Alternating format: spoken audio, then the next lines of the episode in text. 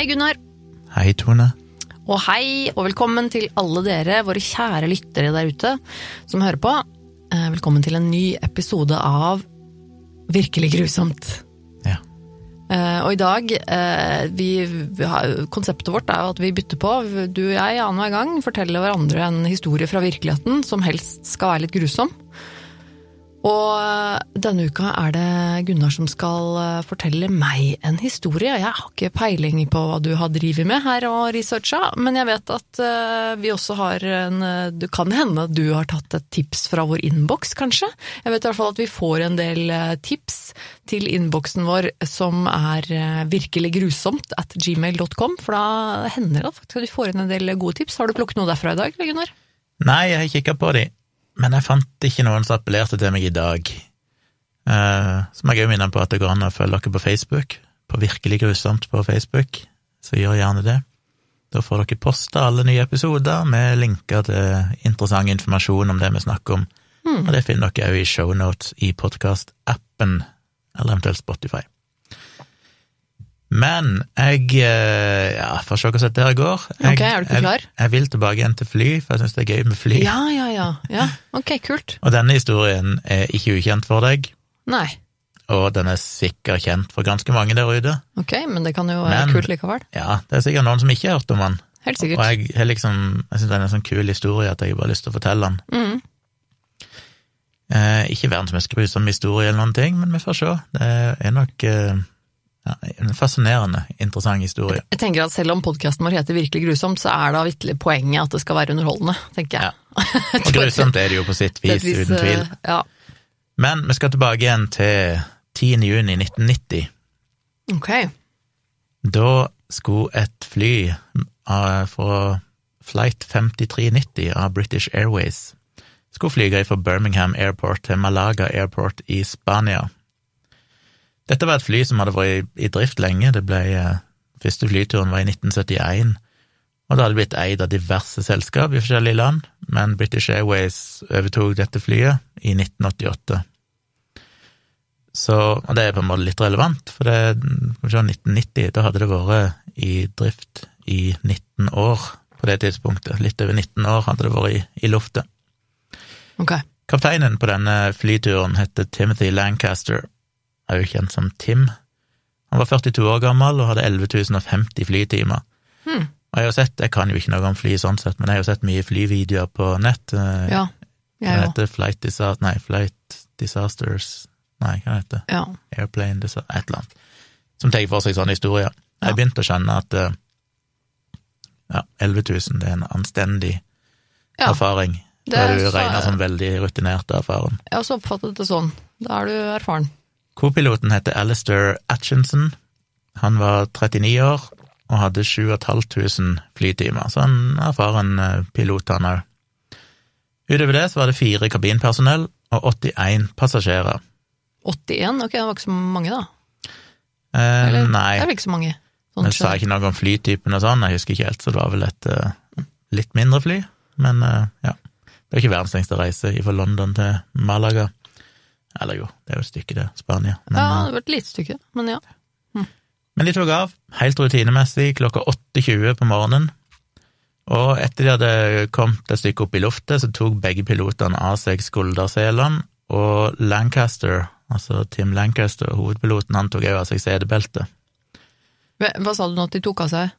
Det står at de tok av seg skulder shoulder harnesses. Jeg visste ikke at det var vanlig å ja, de har sånne, de sånne eh, seler over skuldrene som kan tas, fest, altså tas av separat, og så har de sikkert sånn vanlig som går Ja. over, over magen, da, sånn som passasjerene har.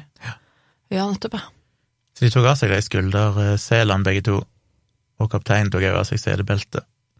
Klokka 8.33, altså 13 minutter etter takeoff, så hadde flyet steget til over 5300 meter, og var over et sted som heter Didcot. Didcot over Oxfordshire. Oxfordshire. Nei, ikke, du kan ikke si Oxfordshire. Oxfordshire. Oxford, Oxfordshire. Du er jo halvt engelsk, dette her burde du kunne, Gunnar. Ja, Oxfordshire. men jeg ble ikke født på 1700-tallet. skal jeg si. Du har ikke sett nok på The Crown, Jeg har eget med, eget med engelske stedsnavn? Ja, det er det. En som skrev en sånn tweet om det en gang, at han er en kjent forfatter en sånn, som fikk masse fanmail, og han sa han ble like sjokkert hver gang, for de der stedsnavnene de hadde, det er jo som tatt rett ut av Ringenes herre, eller et eller annet sånt. Ja, det er veldig fascinerende. Høres jo bare ut som sånn tullenavn, hele gjengen. Ja, det er ganske gøy. Så på det tidspunktet, flyet steig og steig, og de begynte å, kabinpersonellet begynte å forberede matservering. Så da flyet var på rundt 7000 meter over havet, så var flyvert, som jeg kaller det, det heter vel flyvert? Kan vi kalle det? Ja, Kabinpersonell, eller flyvert. kabinpersonell. Ja. Nigel Ogden. Okay. Han var på vei inn i cockpiten, eller på vei Jeg er litt usikker på hva som er cockpit, og hva som er Ja, liksom den fremre delen, iallfall. Ja. Idet det plutselig smalt noe sinnssykt i flyet. Og cockpiten og selve flykabinen ble fylt med kondens. Det ble helt grått der inne. Kondens. Oi. Ja. For det som hadde skjedd, var at venstre frontvindu på kaptein Lancasters side hadde løsna og ble sugd ut. Eh, Så det bare, eksploderte. Nå tror jeg jeg vet hvilken historie du skal inn på. Å, fy. Ja, Men sammen med vinduet så ble òg kaptein Lancaster sugd ut av vinduet. Ja, selvfølgelig, for det er jo fryktelig stor trykkforskjell fra inni, inni kabinen og til utenfor. Og han hadde jo tatt av seg setebeltet, så, Og han hadde tatt av seg setebeltet, ja. så han ble sugd ut med hodet først. Åh. Men heldigvis, holdt jeg på å si, så hekta Og igjen så er det alltid litt sånn varierende detaljer en leser i forskjellige artikler, men det virker som knærne egentlig ble hekta fast i Han på en måte ble sugd ut med overkroppen, sånn at den ble bøyd bakover langs flyskroget. Ja, for flyet går jo kjempestor fart framover, så hvis du blir sugd ut, så Ja. vil du da også gå bakover. liksom, pressa på en måte mot skroget, ja. og dermed ble jo knærne hekta fast på en måte i kontrollpanelet. Så han ble på en måte sittende fast Mm. litt der. Um, ja, og ute så var det jo selvfølgelig ekstremt kaldt, det var jo 7000 meter over havet, og de fløy i 650 km i timen, så det var en ekstrem vind. Åh, fy fader. Så da han kom borti kontrollen og sånn, han kom sikkert borti noen knapper og sånn, så derfor slo autopiloten seg umiddelbart av, og flyet begynte å synke nedover. Mm. Og idet det eksploderte på en måte, eller idet lufttrykket eller i det de dekompresser, så ble jeg jo i døra til cockpiten, eller litt usikker på igjen om det var cockpiten eller ei dør innenfor der igjen, men den ble iallfall sugd av hengslene og inn i cockpiten, og ble liggende over de her, jeg vet ikke hva du kaller de, gasspakene. Den du gir fart med. Det er sånne oh, ja. iallfall. De styr styrespakene som, Ja. du, som du styrer farten med, liksom? Ja. Ja. Så altså, døra inn til cockpiten blir liggende over, det, Ja, ei over der? dør ble iallfall sugd inn og ble på en måte liggende over dekka Oi. over dem, så Ja. dermed fikk ikke co-piloten tak i dem, så han fikk ikke senka farten. Nei, nettopp, ja. Så farten bare økte og økte, og de fløy nedover. Um, så det er jo hyggelig. Så kan du bare tenke deg òg med alt dette papiret og løse gjenstander ifra kabinen som blir bare sugd inn og virvla Og tenk deg for et bråk det må være, tenker jeg. Det Ja, må det var være et et helt sånn sinnssykt bråk. sinnssykt sånn bråk av, fra vinden og det det trykket og liksom Shit. Han Ogden som var på vei inn i cockpiten når dette skjedde, han klarte å springe fram og ta tak i livet rundt eh, Lancaster som hang ut av vinduet, Ja. på en måte holde han fast. Men han holdt jo sjøl på å bli dratt ut, så en annen flyvert som heter John Heward, han klarte òg å springe inn og ta tak i beltet hans og på en måte holde fast. Og så var det eh, de to andre flyvertene sprang rundt og prøvde å sikre løse gjenstander, samtidig som de prøvde å liksom berolige passasjerene og instruerte de til å innta en sånn brace position, sånn krasjlandingsposisjon, i tilfelle de måtte nødlande. ja, for nå er de fortsatt på vei nedover. Ja. Og det var jo en tredje da flyvert som heter Simon Rogers. Eh, en artikkel jeg leste, så sto det at han på en måte klarte å binde seg fast til et sete, og så ut av taket i Lancaster, så de var egentlig tre menn Oi. som alle holdt fast i denne piloten. Ja, for de må jo en, altså, krevd en fryktelig kraft fra Ja. de for å holde han igjen mot Og de klarte ikke å dra han inn igjen, så det sier jo litt. Altså Ja. tre menn, du klarer ikke å dra han inn gjennom vinduet, så de klarte bare å holde han fast. Fy fader, altså. Eh, Så står det òg, og det fant jeg ikke noe mer informasjon om, men det sto at flyet hadde ikke oksygen nok til alle om bord. Som høres litt rart ut, jeg vet ikke om det egentlig er bare en feilskriving, at de mener at uh, oksygenet varer jo normalt bare i rundt ti minutter på sånne fly. Å ja, ja. Så om det var det de mente, det er jo rart om ikke skulle ha oksygen til alle. Det høres ut som en uh, major breach i protocol. Men iallfall, så ja fordi, Atchinson hva, eh, vet, hva, Vi har jo vært inne på det her i tidligere episoder, men det er jo sånn på fly at de har, oksy, de har oksygenmasker og oksygen om bord. Mm. Men det er jo ikke sånn at de har evigvarende det oksygen. Det er jo sånn stort sett at det er for at piloten skal ha tid til å øh, senke flyet Ja. ned på et ned på nivå hvor du kan puste. Flyr man ned på rundt 10 000 fot, så rundt 3000 meter, Ja, så er det oksygen og lufttrykk. for da klarer du å er- puste uten den der, Ja. de maskene. Så derfor er de på oksygen til ti minutter, sånn at det skal være mer enn nok tid til å kunne få fly Ja. ned i riktig høyde, der det ikke trengs lenger. Så Ogden eh, holdt jo fast i Lancaster, men det var veldig tungt, og de bytta litt på det på en måte, og slappa litt av og holda fast i han. Ja, Ogden var han andre piloten? Nei, Ogden var han Nei. eh, flyverten. Ja. Det var tre flyverter som sto og holdt fast Ja. i han. Men eh, Atchinson og han kopiloten, han prøvde jo da å, å, å flyge nedover, det gjorde så fly allerede, men enda raskere for å komme ned, så de fikk nok oksygen. Mm. Og han fikk slått på autopiloten, og så ropte han mayday, mayday i radioen og prøvde å få kontakt med, med kontroll, eh, air traffic control. Mm. Men han hørte jo ikke svaret, for det var så mye støy, Ja, så det var klin umulig å kommunisere med dem. Og det stender jo en plass at derfor ble nødprosedyrene forsinka. Da hadde det ikke så mye å si, kanskje, men det tok litt lengre tid enn vanlig før de liksom fikk eh, få nål kontakt av flyplassen og få tillatelse til å lande og alt mulig sånn, så alt det der tok litt lengre tid, for han klarte ikke å kommunisere på grunn av støyen. Og de som var med, disse flyvertene, har jo fortalt senere i intervjuet at det var ganske grusomt syn, for det er han Lancaster, selv om de holdt han tre mann, så ble han sakte, men sikkert liksom dratt lenger og lenger ut. Å nei, fy fader. Og de kunne se, for han, i, det ble jo gjort en sånn rekonstruksjon i en sånn dokumentar for en del år tilbake, og i et bilde der som er gått viralt på internett, for det er så mange som tror det er ekte, men det er jo egentlig bare en rekonstruksjon. Ja, okay. det finnes visstnok ikke noe ekte bilde av, av selve hendelsen etter de landa eller noen ting. Nei.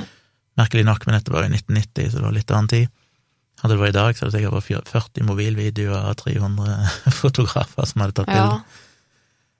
Eh, Så de holdt han fast, men i, så i en konstruksjon så henger han på en måte over, bare sånn rett opp, men i en annen så henger han mer på sida, langs sida av cockpiten. Ah, Jeg tror den siste stemmer mer, for de sa de kunne se hodet hans, og de så at liksom hodet hans, og de kunne høre det, dunka jo mot flyskroget, ja. og de kunne se at han blødde ifra nesa og blødde ifra sår på sida av hodet. Og armene hang bare flagra bak han, så de så ut som de var liksom to meter lange, for de bare hang helt sånn ukontrollert og flagra. Og de sa det mest skremmende av alt var jo på en måte at øynene var vidåpne, så han klarte ikke å lukke øynene, sånn, Å nei. sånn 650 km i timen i ganske heftig mange minusgrader, som øynene oppe. Nei, så utrolig grusomt.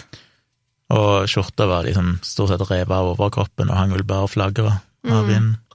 Så de regna med at han var død. Ja, det er jo safe assumption, vil jeg si, Ja. på en måte. Det, er, det, høres jo ikke ut som det er mulig å overleve i det hele tatt. Nei, de regner med han var død, og da skulle en jo tenke at eh, ok, hvis han er død, og dette er en såpass stor risiko, så er det kanskje best å bare slippe han, da. Mm. Fordi hva er poenget med at andre skal ofre liv og helse for å holde han der? Ja. Men Atchinson, altså co-piloten, han sa at nei, dere må holde han, fordi han var redd for hvis de slapp han, så kunne han treffe vinger eller motor eller den der eh, heter den dingsen som stikker rett opp bak Ja. på flyet. Det, er, det kan jo skade skade på, det. på flyet. Mm. Så det kunne gjøre vondt verre, og det er jo god sannsynlighet hvis han hadde blitt sugd inn i motoren, så er jo ikke det spesielt kult, det heller. Ja, det er godt tenkt, da. Så det var mye av grunnen til at de holdt han, var egentlig bare fordi at de ja, trodde det kunne gjøre vondt verre å slippe han. Til slutt så fikk Atchinson, denne her co-piloten, da, klarte han å høre trafikkontrollene, eller hva de heter, disse Air Traffic Control-folkene, Mm. og fikk avtalt en nødlanding på Southampton Airport. Og ja, de klarte vel òg etter hvert å få frigjort anklene hans, og de hang òg fast i noen flykontroller sånn som gjorde at eh, han Atchinson fikk tak på alle kontrollene og kunne liksom styre flyet skikkelig, så det var litt sånn problematisk i starten.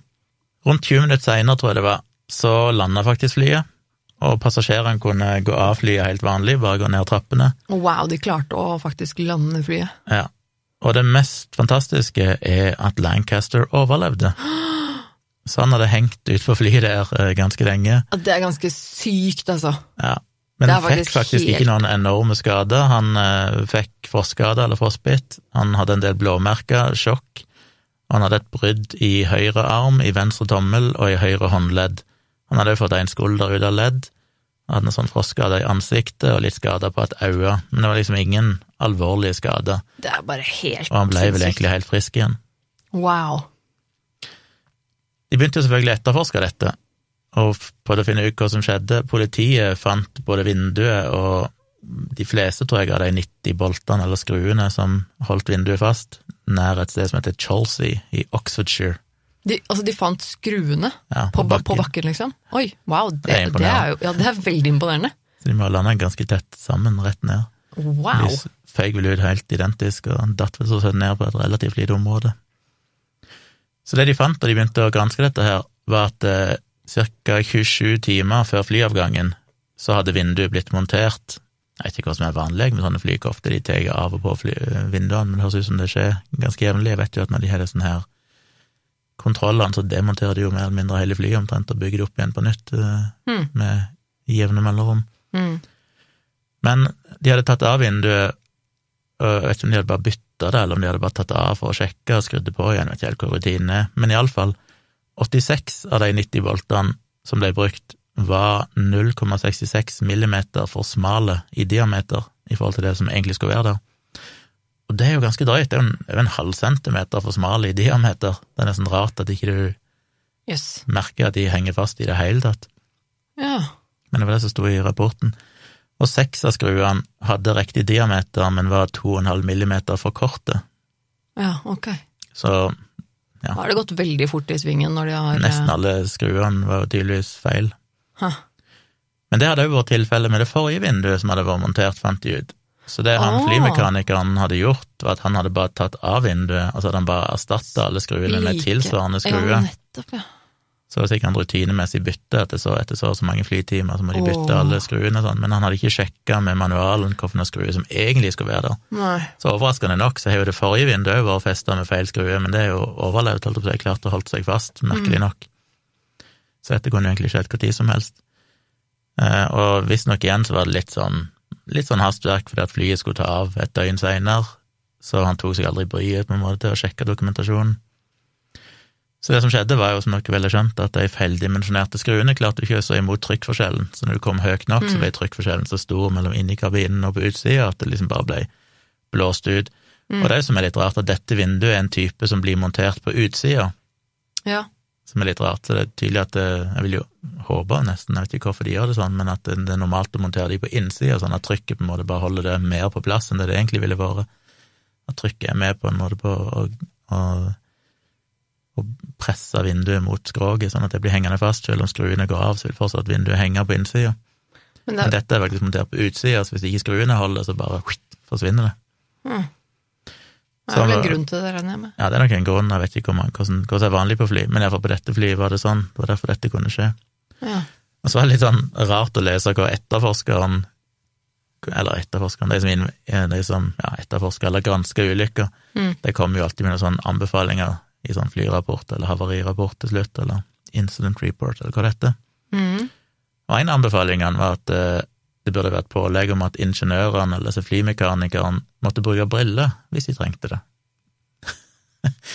Som det betyr at okay. han eh, mekanikeren At han egentlig bare At han at han så veldig dårlig, og så bare ga han ikke Ja. å bruke briller, liksom? For det sto ikke noe annet om det noen annen plass jeg har lest, annet enn at det sto at det kom en anbefaling om at de burde bruke briller, eller måtte bruke briller, hvis de trengte det. det... Så jeg da vil anta at det må skyldes at han flymekanikeren hadde dårlig syn, Burde jo være åpenlyst. og derfor ikke la merke til at skruene var feil. Det er sånn, jeez. Interessant anbefaling å komme med.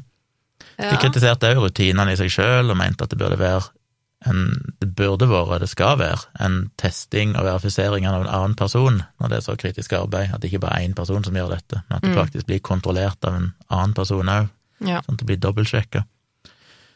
Og så var det noe sånn òg med at Birmingham flyplass var på en måte skyldig og ikke direkte overvåka praksisen til vedlikeholdspersonell eller flymekanikerne og sånn.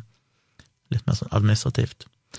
Etterspillet ble jo at uh, Atchinson, som var denne andre piloten, eh, hva det heter, Gibbons, Gobbins, Gibbons, Gibbons, Gibbons tror jeg han heter, som var vel han tredje eller fjerde, en av disse flyvertene, Mm. og Ogden fikk uh, The Queen's Commendation for Valuable Service in the Air.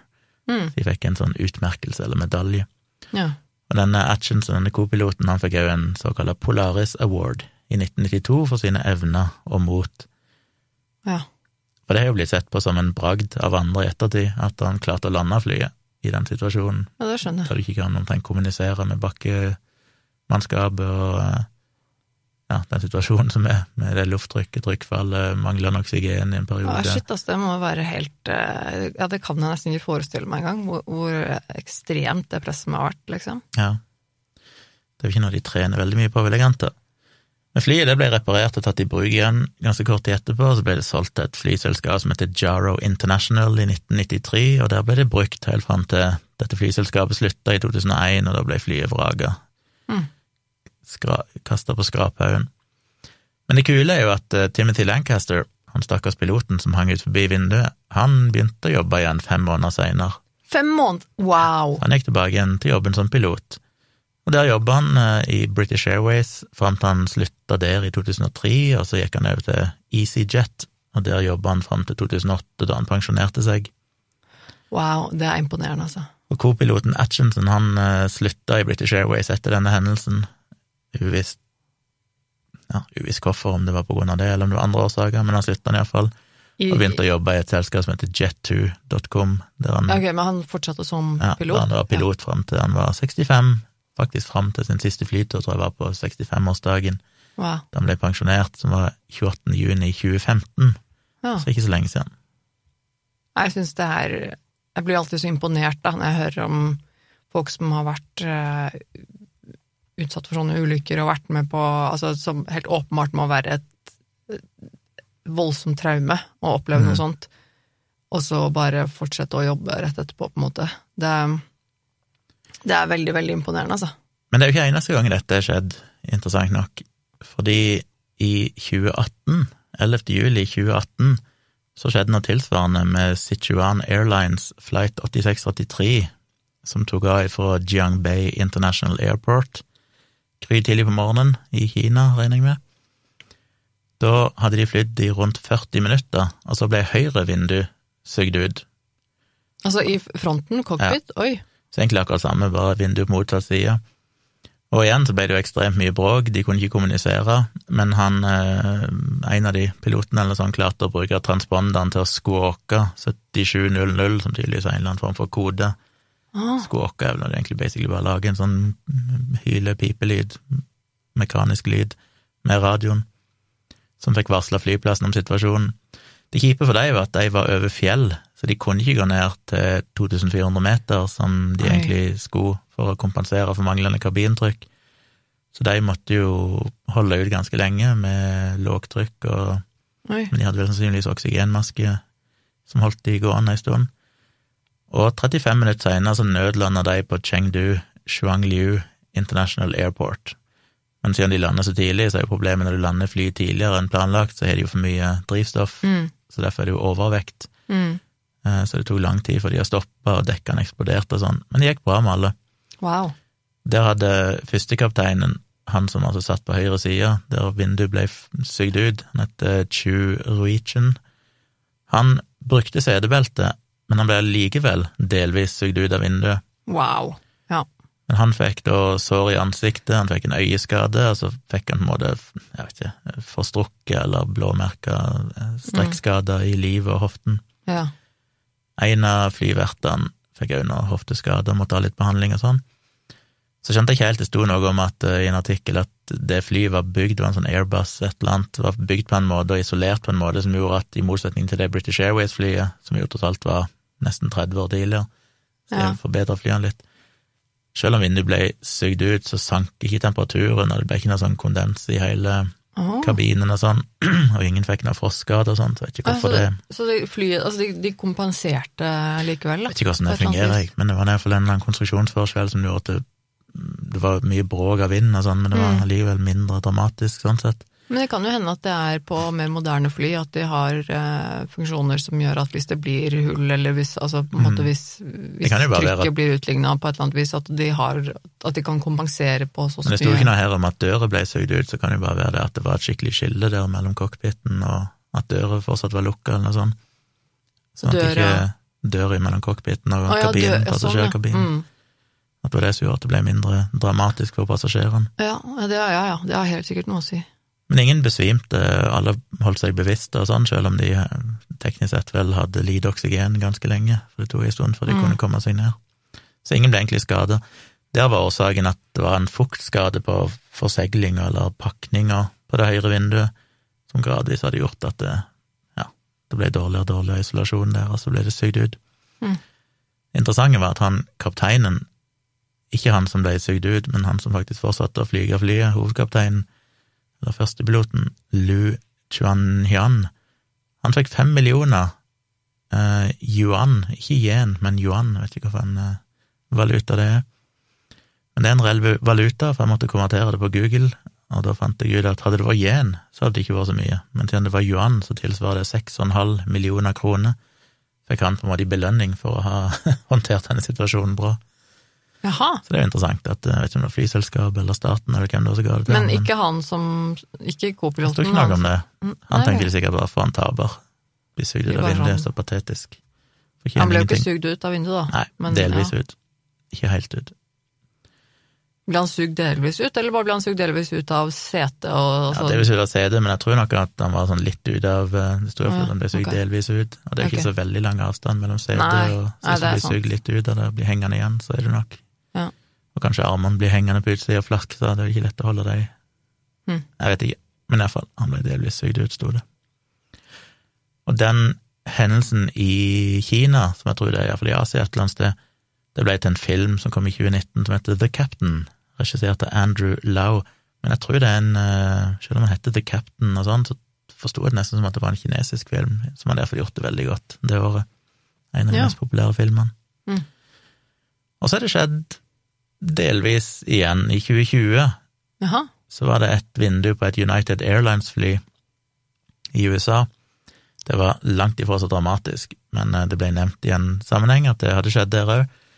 Da hadde de tatt av eh, rett ved Chicago, og så hadde det vært en enorm sånn haglstorm som ikke de visste om, for du kan ikke så lett se det på radar. Mm. Og det hadde jo hamra vinduene, det finnes bilder av det på nettet, sånn at vinduene var mer eller mindre knust i fronten. Oi. Ja. Men de landa ganske trygt. Eh, Det ble på en måte aldri hull i vinduene, så det var ikke noe sånn, men de ble bare sprakk sånn på kryss og tvers, så det var nesten umulig å se ut av de. Shit, det må være ganske skummelt, det òg, altså. Ja. Og de er jo konstruert på en måte i dag, skjønte jeg, sånn at generelt sett så skal det være mye mindre sjanse for at noe sånt skal kunne skje igjen. Ja. Disse ulykkene, de mest sånn drøye ulykkene som dette her, er jo ofte noen tiår gamle. Mm. Da er det ofte sånn rene sånn konstruksjonsfeil. Mm. Så det var vel egentlig min historie. Ikke så grusom, men jeg syns den er så kul at jeg måtte fortelle den. Og det finnes som sagt, jeg lurer på om National Geographic eller noe sånt som i 2005 eller et eller annet sånt kom med en dokumentar om dette. Så hvis dere ser noen bilder online av den hendelsen, så er nok det bare fra rekonstruksjonen, for det finnes ikke noen ekte bilder, tror jeg. Men det finnes ett bilde der du ser han stakkar piloten ligge i sykesenga med alle disse cabin crewet rundt seg, og alle smiler og er glade for det gikk bra med han. Han ser Ja, litt mer mørbanka ut, men Og det er det jeg stadig trøster meg med. Jeg, som, som vi nevnte tidligere, både jeg og du har jo sett mange av disse flykatastrofevideoene og, og, og sånn på YouTube og Flight rundt. Channel heter den bare. Den Ja, i hvert fall den ene som, ja. Mm. Uh, Flight Channel, vi kan linke til den, da. Den er ganske bra. Den elsker jeg. Ja, den er bra. Uh, det jeg stadig liksom trøster meg med og kommer tilbake til, er jo at de fleste tilfeller, når, hvis det skjer noe, så går det jo bra. Det er liksom det med at, eh, at det skal det, det, skal veldig mye mange ting til for å som går galt for at det skal gå Ja. ordentlig galt. Da.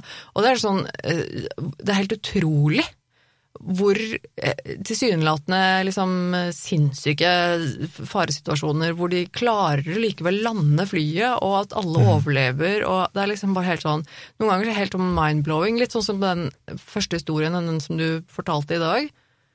At alle overlevde her, er jo én ting, men også at de klarte å på en måte bare lande flyet. Mm. Og, og til og med piloten overlevde. Altså, det er det er eh, ganske utrolig. Det høres jo ikke ut som det er mulig. Men det er litt sånn jeg har alltid tenkt på før Altså, det er litt som vi har snakket om før, at hvis du er redd for å fly, så må du ikke se på den kanalen, eller se på sånne ting. Men jeg tenker òg litt omvendt. Ja, det er at du liksom Hvis du setter deg litt inn i det, så skjønner du også på en måte hvor mye skills de har, de pilotene. pilotene.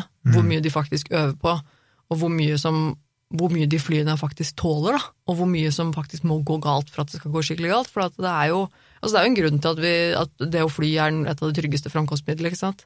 De fleste ulykkene vi hører om, er jo biler og sånne ting, det som skjer her nede på bakken. Men det flyulykker sånn sett er jo utrolig sjelden i forhold. Ja, det er veldig sjelden. Selv om jeg eh, blir litt sånn deppa når jeg ser de her Flight Channel og sånn, og oppdager at oi, shit, det skjer jo flyulykker hele tida. Det er ikke så ofte du hører om det i norske nyheter, men når du begynner å ha sånne folk sant. som følger med på det, så er det sånn ja, i 20, juli 2020 så var det et fly som ditten, og i et eller annet 2019 så var det et fly som Så det er ganske mange sånne, stort sett er jo det hendelser der det går bra med alle, eller de Ja. fleste. Nei, for det er litt, eh, egentlig litt eh, Jeg har også tenkt på det, at sånne flyulykker eh, er jo egentlig ikke så ofte man hører om i media. Nei, det er jo Liksom sjokkerende er høy noe- overlevelse på sånne ulykker. Det var jo gjort en undersøkelse for noen år siden som jeg husker jeg, jeg tror jeg skrev om det i den ene boken min, men der de sier at Nei, jeg husker ikke tallet, men det er noe sånn 90 et eller annet prosent sjanse for å overleve i flyulykker. Mm.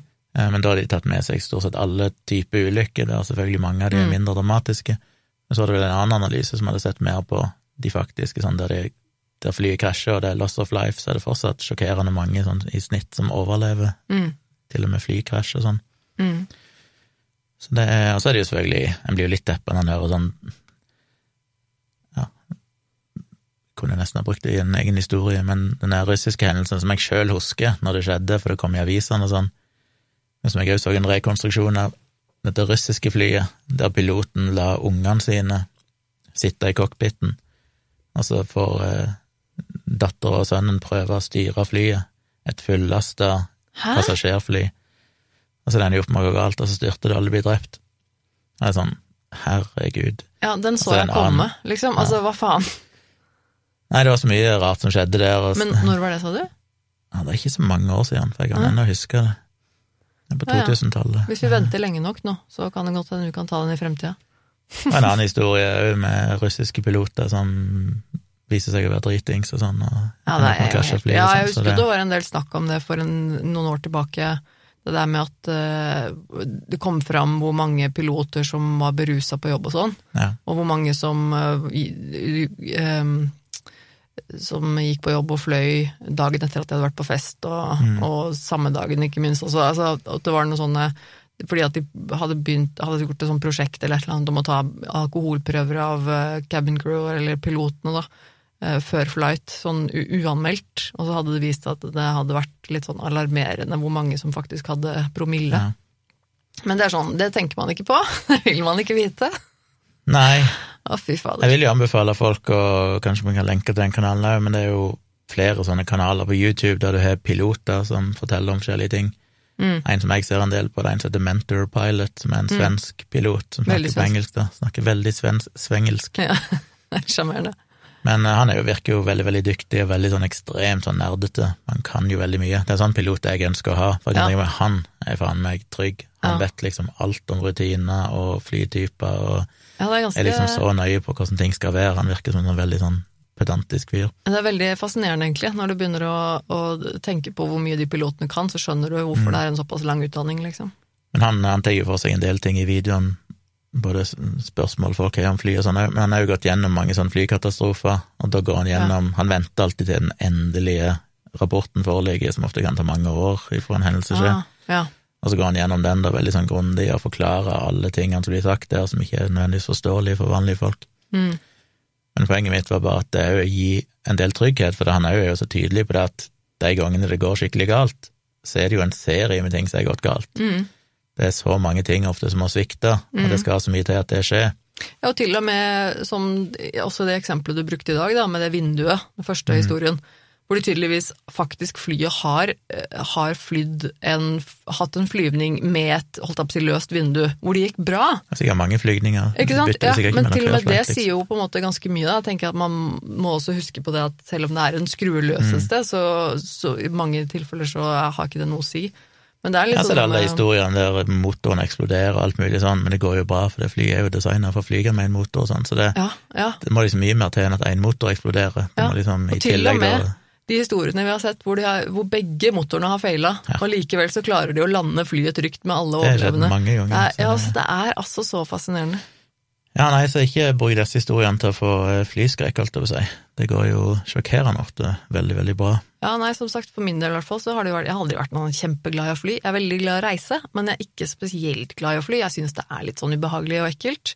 Uh, men eh, jeg tror nok jeg Ja, jeg tror nok kanskje jeg syns det er eh, litt betryggende å se på, se på sånne kanaler og videoer som det, litt fordi at jeg føler liksom at du, du, du får litt mer peiling selv, da. Liksom om hva, hva det handler om og hvordan ting funker og sånn, og det gjør at du føler deg litt tryggere i situasjonen. kanskje? Jeg føler jeg kan mye mer nå om eh, Jeg har nesten ikke flydd siden jeg begynte å se på de her greiene på grunn Nei, av eh, vi har ikke flydd pandemi på sånn. gørrlenge her. Men Neste gang jeg flyger, så føler jeg meg mer kompetent som passasjer. Er nesten så du kan begynne å ta, prikke teknikeren på skulderen og si hei, du har du husket å sjekke flapp nummer 37A? Og som jeg har sagt tidligere når vi snakker om dette, hver sånn flyulykke fører jo alltid til forbedringer. mm, Så det blir jo bare tryggere og tryggere for hver ulykke som skjer. mm. Men ja, hva tenker du? Går det an å rate denne på en grusomhetsskala? Ja, det gjør jo det. Det er jo Vi må jo det. Ehm, jeg tenker at den ligger på eh, en femmer eller noe sånt. Ja, eh, det er jo selvfølgelig mange perspektiver til. For passasjerene så var det nok eh, De må jo ha Ja, opplevd en del, de. Trykkfall, kondens, de må vel ha sett ved dører forsvinne. Ja, Det er klart, det ja, var ganske scary for deg. ja det, det tror jeg nok, ja. Det er sant. Ja, fordi at passasjerene fikk jo på en måte oppleve dette her, de òg. I form av at de, de skjønte jo hva som skjedde, liksom. Nei, det var Scary nok, for kabinpersonellet, som må holde fast en stakkars fyr som henger ut av vinduet. Skremmende for co-piloten. Ja, Kanskje så- så- minst av alt skremmende for selve piloten, for jeg vil tippe han ble slått i svime ganske umiddelbart. Jeg tviler på han var særlig bevisst der han hang på utsida. Jeg vil tro det. Det var nok skrekk i noen sekunder idet han ble sugd ut, men så var etter det tror jeg ikke han fikk med seg så mye okay, av hva som kanskje skjedde. seks, da. Bare fordi, ikke Ja. fordi at det er eh, Men det er liksom noe med det at eh, det er ikke så Det er jo, det er jo ingen som ble som døde. Eh, ingen, altså noen ble skadet, men det var lettere skadet. Eh, helt sikkert veldig terror for disse menneskene, men det var ikke så lenge. Eh, og så er det noe med at jeg har hørt eh, verre historier, så jeg tenker jeg er sekser. Ja, jeg vet ikke om jeg vet, vet den så mye heller, bare sånn på grusomhetsskalaen, men, men greit. Nei vel, ok. det er liksom feil uansett eh, hva jeg sier. Hvis folk er uenige, så får dere sende dere en mail på tompratpodkast.gmail.com. Og gi dere gjerne tips om dere, eller tilbakemelding om dere liker sånn flyhistorier, som ikke er sånn klassiske kidnapping og mord og tortur, men eh, Mm. så dere syns det er interessant, så er det mange sånne å ta av, så jeg vil gjerne fortelle mer av dem, selv om de blir litt annerledes. Ja, det er spennende. Så da hadde vi vel ikke mer på hjertet. Nei, det er jo litt opp til deg. Det var jo du som skulle fortelle, fortelle meg Jeg hadde i iallfall ikke mer å fortelle, så jeg vil bare si at jeg lenker til noen artikler og sånn Mm. i shownotes og på Facebook-posten som dukker opp inne på Facebook-sida vår, slash virkelig grusomt. Ja, Lik Facebook-siden vår, det er kult. Følg med der. like den, så får dere med dere ting som skjer. Og så har jeg ikke annet å si enn at vi er tilbake igjen om ei uke. Så er det Ja. Tone sin tur til å komme med en historie, så kan jeg slappe av i et par uker. Ja. Takk for at du hørte på, alle dere der ute. Så høres vi igjen om en ukes tid. Ha det.